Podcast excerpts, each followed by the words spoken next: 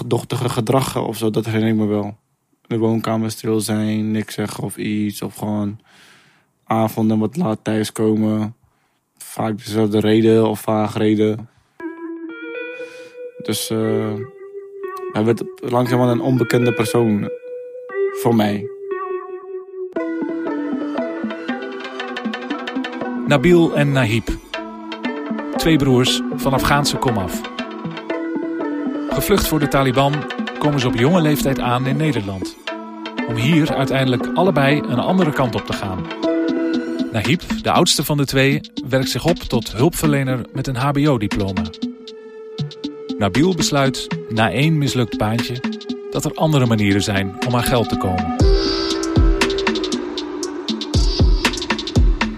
Wat maakt de ene broer tot een schrikbeeld en de ander tot een toonbeeld van een generatie? Wat bepaalt welke afslagen we nemen in het leven? In de podcast Verklaring omtrent gedrag zoeken we antwoord op die vragen aan de hand van de levensverhalen van Nahib en Nabil. Aflevering 4. Om 9 uur zat ik weer in de les. De kogel is bijna door de kerk. Er komt een generaal pardonregeling die een oude groep asielzoekers recht geeft op een verblijfstatus. Kabinet moet er vanavond alleen nog ja tegen zeggen. Verwacht wordt dat zo'n 26.000 mensen onder de regeling vallen. Het generaal pardon, waarmee in 2007 voor ruim 26.000 asielzoekers in één klap aan vele jaren van onzekerheid een einde kwam, is ook voor de familie van Nahib en Nabil een verlossing. De angst voor een enkeltje Afghanistan wordt verruild voor de zekerheid te kunnen bouwen aan een toekomst in Nederland. Een thuis in de Amersfoortse wijk Kruiskamp. Een plek van waaruit ze de Nederlandse samenleving kunnen gaan ontdekken. Waar de kinderen van het gezin naar de middelbare school kunnen gaan. De 14-jarige Nahib gaat naar het VMBO. Zijn jongere broer Nabil mag op 12-jarige leeftijd, met MAVO-HAVO-advies, zijn geluk beproeven op scholengemeenschap Het Atrium. Ik mocht naar de MAVO-HAVO gaan. En ik keek mijn de, juffrouw aan van... Het is een beetje zeker dat dat een heel goed idee is dat ik naar de MAVO-HAVO ga. Maar zij had er alle vertrouwen in. Ze zei, ja, ik ga naar de MAVO-HAVO. En toen mocht ik naar het Atrium gaan, dat is hier in Amersfoort. Een hele witte school, waar ik als, bijna als enige Marokkaan uitziende jongen was, zeg maar. Samana ziet, als vier jaar oudere zus van Nabil... dat haar jongste broertje niet in de gelegenheid is om zijn leerpotentieel goed te benutten. Ondertussen heeft ze zelf als puber vooral zorgen om haar ouders... die allebei kwakkelen met hun gezondheid. Nabil werd ook in de, op school gepest. Ehm, en naar de middelbare school ging het, werd heel erg onzeker. Hij, hij groeide ook niet snel. Hij was heel erg onzeker van ja, mijn alle vrienden zijn lang geworden, maar ik blijf gewoon een kleine Nabil nog. Hij had de hele basisschool wel bijna op school gezeten en de middelbare school ineens niet. Dus dat vond hij ook wel lastig. Gelukkig hebben ze me in een klas gezet met andere buitenlanders. Ik weet niet of dat expres was of, uh, of, uh, of ja, per toeval, maar uh, we kwamen bij elkaar. En het was een heel gezellig jaar. Het was heel leuk, maar ik heb alles behalve aan school gewerkt. Ik deed gewoon mijn best. Ik had gewoon mijn cijfers, maar op het laatste paar maanden, ja, dan, dan gaan die eindcijfers wel aantikken. En al die vieren en die vijven en zo. Dus ik, ik, mocht niet op de HAVO blijven. Ik mocht ook niet eens naar de MAVO gaan. Ik moest naar het kader gaan. Dus ik kwam op zijn school terecht. En op zijn school ontdekte ik het leven. Na één jaar op verschillende scholen zijn de broertjes alweer herenigd. Maar... Op een of andere manier kon ik hem nog niet bijtrekken, zeg maar. Ik had daar niet tijd voor of iets. Maar ik weet wel dat ik heel erg mee bezig was met mezelf. En ik had een rol, de jongen die met iedereen kon opgaan. Op VMB had je groepjes, de, de, de blowers, de gothics, de voetballers, de, de mooie dames, de stoere jongens. En ik hoorde bij geen één. Ik kon met iedereen kon ik omgaan. Dat was vooral mijn rol. Daarnaast, wat ik, na school, wat ik vooral deed, was gewoon bij te voetballen. Ik zat op een voetbalclub. Ik was heel erg bezig om profvoetballer te worden. Dus ik was vooral bezig met dingen doen. Want ik was nog niet klaar met het ontdekken van het leven hier.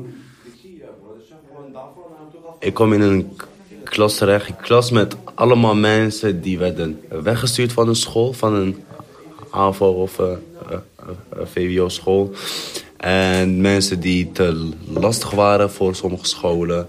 Dus een heel zootje hebben ze bij elkaar gezet. Maar ik had de tijd van mijn leven in de, in de tweede klas. Zoveel gelachen, zoveel meegemaakt, zoveel geleerd ook uh, om me heen wat er allemaal gebeurde ook. Soms had ik ruzie en dan riep ik hem erbij en dan uh, ja, had hij het opgelost. Maar mensen wisten dan van, oh, hij heeft een broer hier op school, dus... Uh,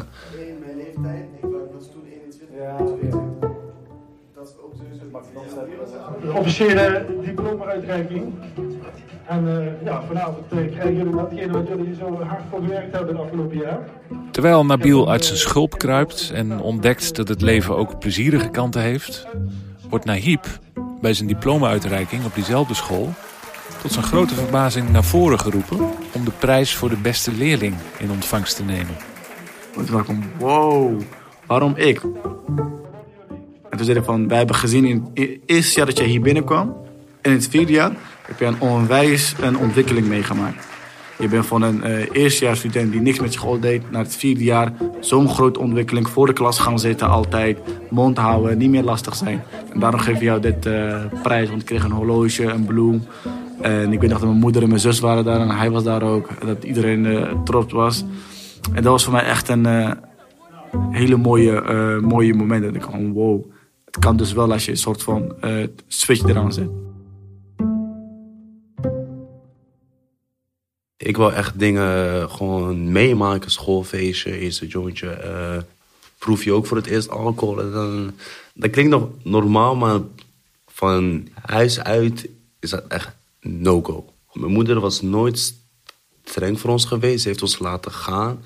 Maar ze heeft ons zo opgevoed dat zeg maar, wij weten dat wij haar teleurstellen. Eerder als boos maken. Zo. En het was gewoon een heel nieuwsgierige jongen. Ik kreeg ook heel veel aandacht door ook de persoonlijkheid die jij hebt. Ik ben iemand die heel graag mensen wilt helpen, maar ook heel graag de leiding wilt nemen. Die heel graag dingen in controle wilt hebben. Die altijd een sfeermaker wilt zijn, die, die wilt lachen en zo. En als je ziet dat het op sommige plekken positief uitpakt, dan wil het meer en meer uitpakken natuurlijk. En vanaf daar ging het, ja, in de tweede, derde en uh, uh, vierde klas heb ik ontzettend veel dingen meegemaakt. Gewoon. Niet zeg maar dingen met de politie of zo, maar het was echt meer kattenkwaad, maar ik zag altijd meer legale. Meer, ah joh, we zijn nog jong, het kan wel.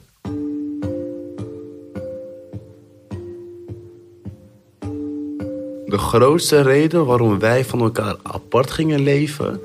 was omdat hij een vriendin kreeg en hij heel vaak met haar was. Dus ik ging naar mbo, eh, sportopleiding ben ik gaan doen, SIOS. Toen was ik 16. Mijn eerste jaar daar, uh, toen kreeg ik een vriendin. Een Nederlandse vriendin kreeg ik. Blonde haar en blauwe ogen. Dat zag je niet in Afghanistan. Dus uh, ze was zelf half Indonesisch, half Nederlands. Het was een heel erg beschaafde meisje, slim meisje. Hele leuke ouders. Nabil volgt in die periode zonder veel moeite of tegenzin de mbo-opleiding Zorg en Welzijn. Buitenschools valt hij voor andere verleidingen dan zijn oudere broer. Ik had er niks op tegen, maar deze jongen was echt zes dagen in de week bij haar. Gewoon. Maar ik zag ook aan hem, hij was gelukkig. Dus ik liet hem ook gaan. Op de andere kant gebeurden er hele andere dingen. Hij werd gewoon wakker en hij had gewoon zijn dag en hij had gewoon zijn werk en hij moest gewoon zijn dingen doen. En ik was meer van, ik werd wakker en ik dacht, oké, ik moet geld hebben. Ongeveer zes jaar, vijf jaar met haar relatie gehad. Ik heb ook heel veel van haar uh, geleerd. Hoe de Nederlandse samenleving is. Hoe de werkelijkheid kan zijn dat het best hard kan zijn hier. Uh, dat ze je elke dag nodig hebben en dat je ook zo opeens niet meer nodig bent. Hoe open zij op bepaalde zaken praten. Dat heb ik meegemaakt. Uh, of bijvoorbeeld tradities. Uh, Sinterklaas, kerstvieren. Dat, dan, dat je dan naar oma opa gaat. Of oma opa komen hierheen. Dus tradities van de Nederlandse cultuur heb ik vooral via hun geleerd. taal heb ik geleerd. Maar ik leerde ook van, wat is nou belangrijk in, in, in een relatie? Dat je ook moeite moet doen. En hoe, wat is moeite en hoe ziet dat eruit en hoe gaat dat? Dus daarvan ben ik ook veel bewuster geworden van hoe een relatie hier in elkaar zit. Maar ik merkte aan hem wel veranderingen. Ik merkte aan hem wel dat hij zich anders gedroeg. Ik merkte aan hem wel dat hij opeens geld had, terwijl hij geen baan had. Ik vroeg aan hem van hoe of wat en dan kreeg ik vage antwoorden. Ik merkte dat hij dure schoenen had. Hoe kom je, snap je wat ik bedoel? Puur uit vroeg aan hem hoe, wat, waar. Uh, maar ik kreeg vage antwoorden terug.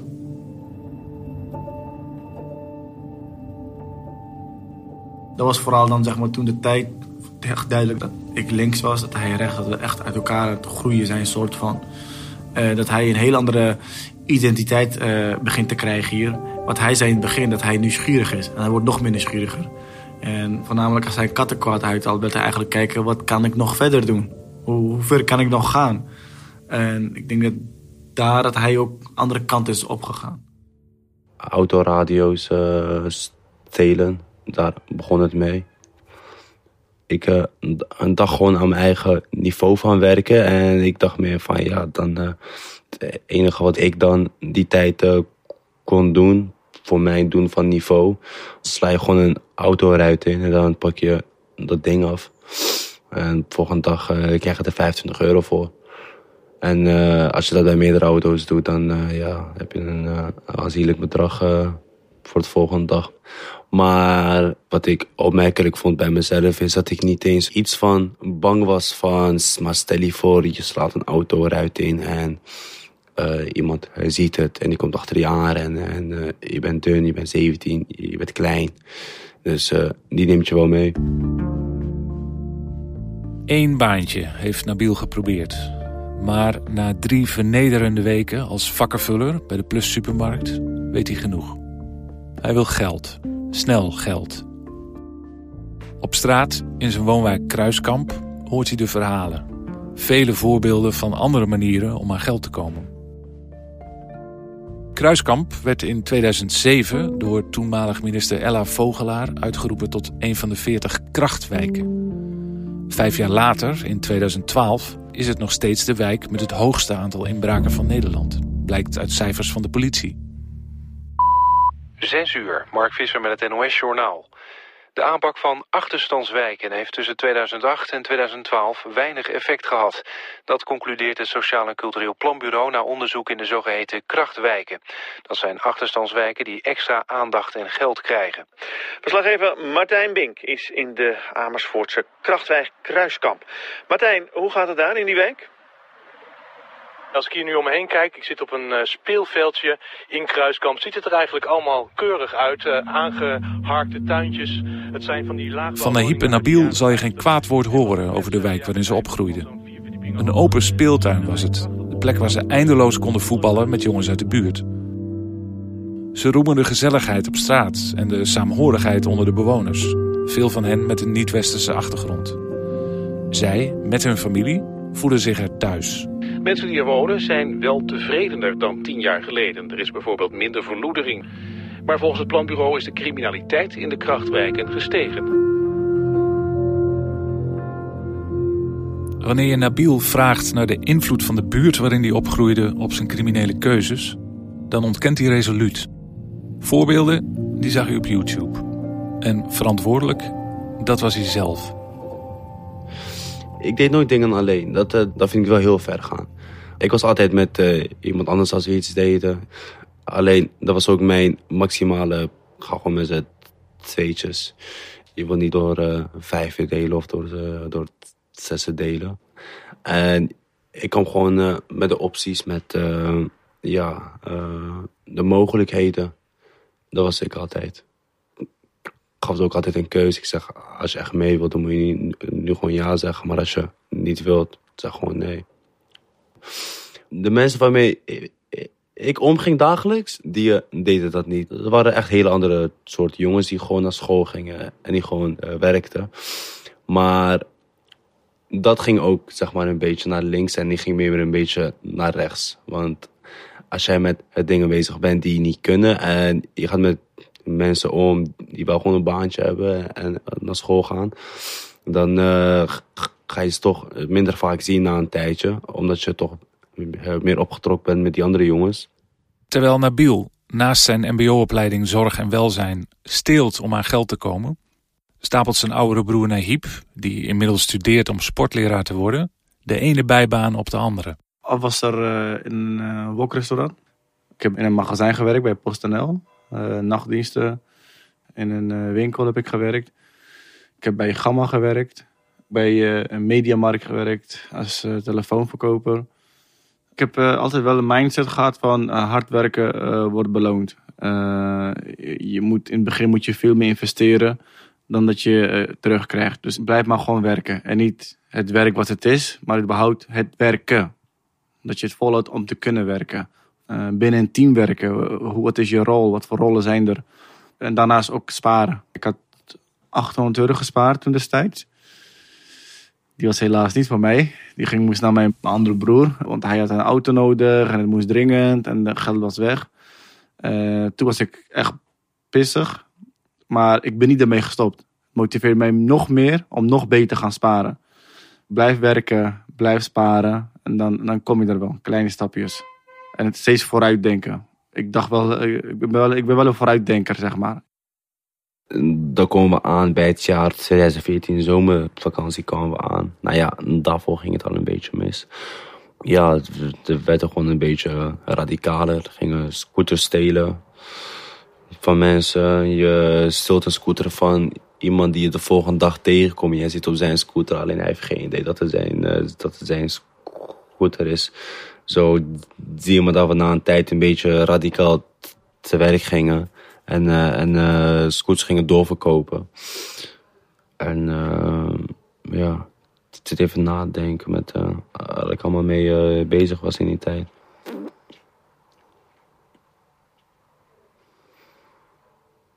Maar nee, ik werd op een dag wakker en, en, eh, we hadden toevallig het materiaal om, om, een, om een overval te plegen. En ja, ik, ik heb het helemaal opgezet.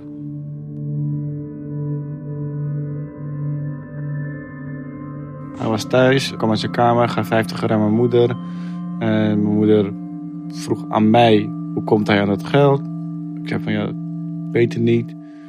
En toen liep ze boos naar zijn kamer en gooide die geld naar hem terug. Want ik hoef je geld niet, ik weet niet waar je aan vandaan komt, dit, dat. Dat kan ik me wel herinneren, dat achterdochtige gedrag of zo, dat herinner ik me wel. De woonkamer stil zijn, niks zeggen of iets. Of gewoon avonden wat laat thuiskomen. Vaak dezelfde reden of vaag reden. Dus uh, hij werd langzaam een onbekende persoon voor mij. Het stelen van autoradio's, het verkopen van wiet, het stelen en doorverkopen van scooters. De wegen naar snel geld zijn legio. Nabil benadrukt steeds hoezeer de keuze voor criminaliteit een bewuste is. Dat hij zelf steeds zijn plannen maakte en daarbij in alle gevallen een handlanger zocht en ook vond. Ja, waarom ik zulke dingen deed? Uh, dat ik gewoon wist dat ik over een uur gewoon geld kon hebben. Van het is nu zes uur en we kunnen om zeven uur kunnen we gewoon heel veel geld hebben. Dus uh, laten we eerst eraan werken. Laten we kijken hoe we het gaan doen, waar we het gaan doen. En dan kunnen we over twee weken op deze dag uh, kunnen we gewoon binnen zijn. Ik was niet verbonden aan een uh, jeugdbende of ik stond bij en, niemand in het krijt of zo. Of dat iemand iets voor me deed en dat ik nog iets voor hem moest doen. Het was gewoon voor het geld. Dat geld was belangrijk omdat je niks had dat, dat was ook de enige reden waarom ik niet wou werken. Omdat ik een maand moest eh, wachten voor mijn, voor mijn uren die ik elke dag maak.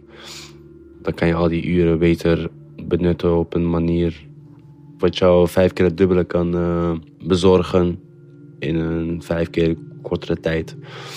Waarvan je denkt van oké, nu kan ik echt een hele lange tijd gewoon even lekker achterover zitten. Gewoon. En dan kan ik nadenken wat ik met mijn leven uh, wil gaan doen.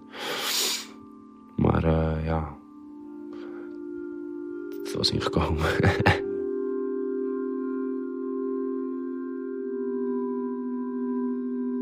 Met anderhalf jaar ervaring als kleine crimineel vindt Nabil, 17 jaar jong, de tijd rijp voor het grotere werk, waarbij snel veel geld kan worden buitgemaakt. De volgende stap, een gewapende overval. Hij doet er verschillende, waaronder één op een supermarkt in Amersfoort. We vragen Nabil of hij ons mee kan nemen naar de plaats delict.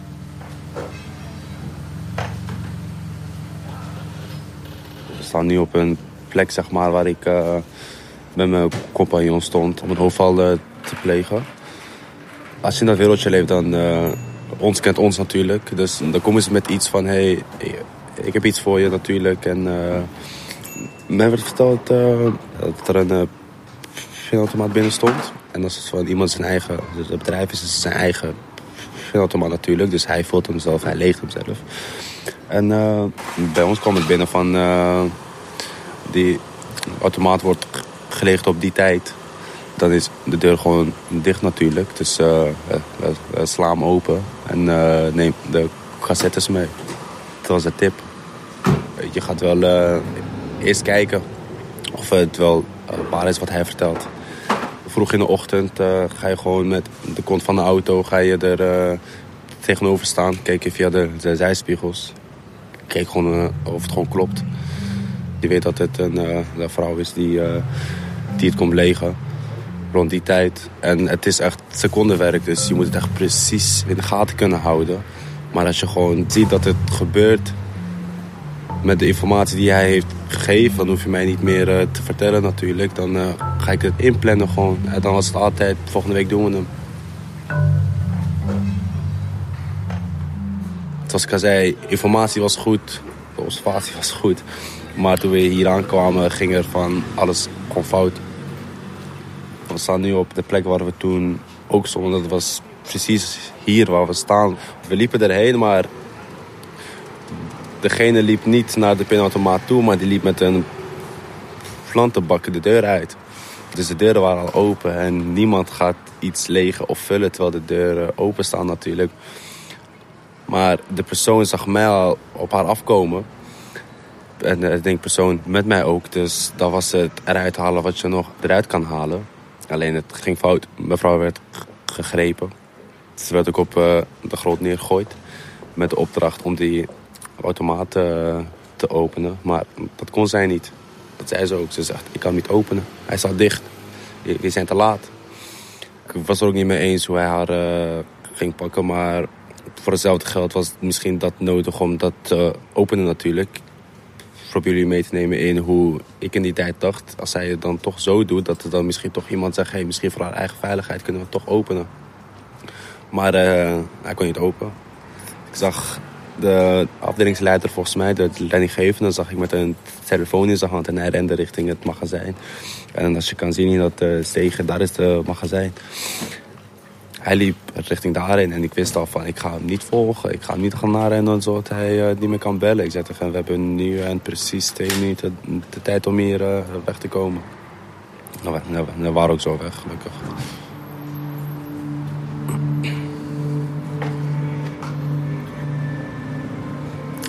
Ik had een, een, een, een, een, pistool bij me. Alleen, het was geen echte. Ik heb, ik heb, ik heb nooit een echte meegenomen. Ik zal ook nooit op iemand uh, schieten. Die mensen doen ook gewoon hun werk. Uh, de, de waarschuwingsschot wel misschien, maar je komt niet om mensen neer te schieten. Uh, dan moet je het ook nooit doen. Als jij, als jij zo denkt van ja, ik zou iemand zo neer kunnen schieten. Nee, dat moet je nooit doen. Want dan verwerk je jezelf alleen maar meer en meer problemen.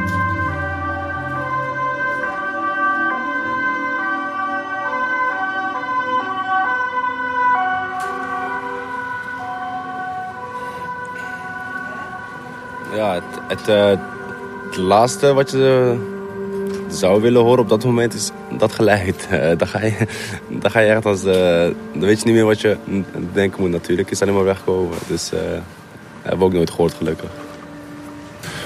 En zoals ik al zei, die van mij die was nooit echt. Maar als je gaat treuzelen, als je niet weet hoe je ermee moet omgaan tijdens zo'n situatie... dan hebben mensen dat heel snel door.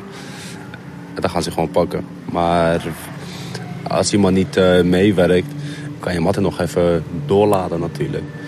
Bij hier werkte mevrouw gewoon mee, maar zei gewoon duidelijk, ik zag het in haar ogen, uh, uh, dit ding kan niet open. Bij een andere deed een meneer alsof hij ging flauwvallen. Daar werd ik wel boos op. Ik zeg, ga nou niet doen alsof je gaat flauwvallen. Want ik vraag gewoon iets heel normaals. Loop gewoon mee naar achteren en doe de kluis open. En dan denk ik echt van, ja, waarom zou je niet mee willen werken? Ik zeg, je loon wordt niet uit kluis betaald. Ik weet, je bent misschien een trauma rijker. Maar zoals ik naar binnen kom... eh, ik heb het altijd gevraagd aan hen of ze gewoon mee willen werken. Ik heb nooit gezegd, die gaat nu meewerken. Ik heb gezegd, zou even mee willen werken, kan je even eh, mee naar achter lopen. En ja, tuurlijk is die jongen met de bivak voor je. En, en eh, ik kan het mensen ook niet kwalijk nemen dat ze misschien over het tierenlier gaan. Misschien omdat ze het nooit hebben meegemaakt. Dat er opeens iemand hun dingen komt vragen. Nou ja, het is niet vragen, het is meer gedwongen vragen. Maar je, ik word dan meer boos op het feit van... waarom verwijk je jezelf meer in de problemen, jongen? Waarom, waarom, waarom doe je dit? En denk je nou echt dat als jij nu gaat vallen... dat ik ga opstaan van... hé, hey, joh, hij is, hij, is, hij is gevallen. Kom, gaan weg. Gelukkig ziet hij dan ook aan jou van... je hebt hem al door. Dus al, ja, dat was hem gelijk op. Ging gelijk, het liep gewoon, het liep gewoon naar achter. De kluis legen. Ik vraag hem of de deur open kan. Hij zegt ja, tuurlijk. Hij doet de deur open, loopt de deur uit. Dus dan gaan wachten op zijn minst vijf minuten voordat de politie belt. En dan kijk ik me aan van wow, dat je, dat nog dat durft te vragen. en, uh, en wij waren weg, ja, klaar. Zo. Om negen uur zat ik weer in de les. Ja, wijswerk in te leveren. Ik zat op een de zorgopleiding. En ja, dan, uh, dan moet je gewoon heel veel maken, heel veel uh, verslagen en zo. Dus ja, ik zat, ik zat gewoon negen uur weer in de les.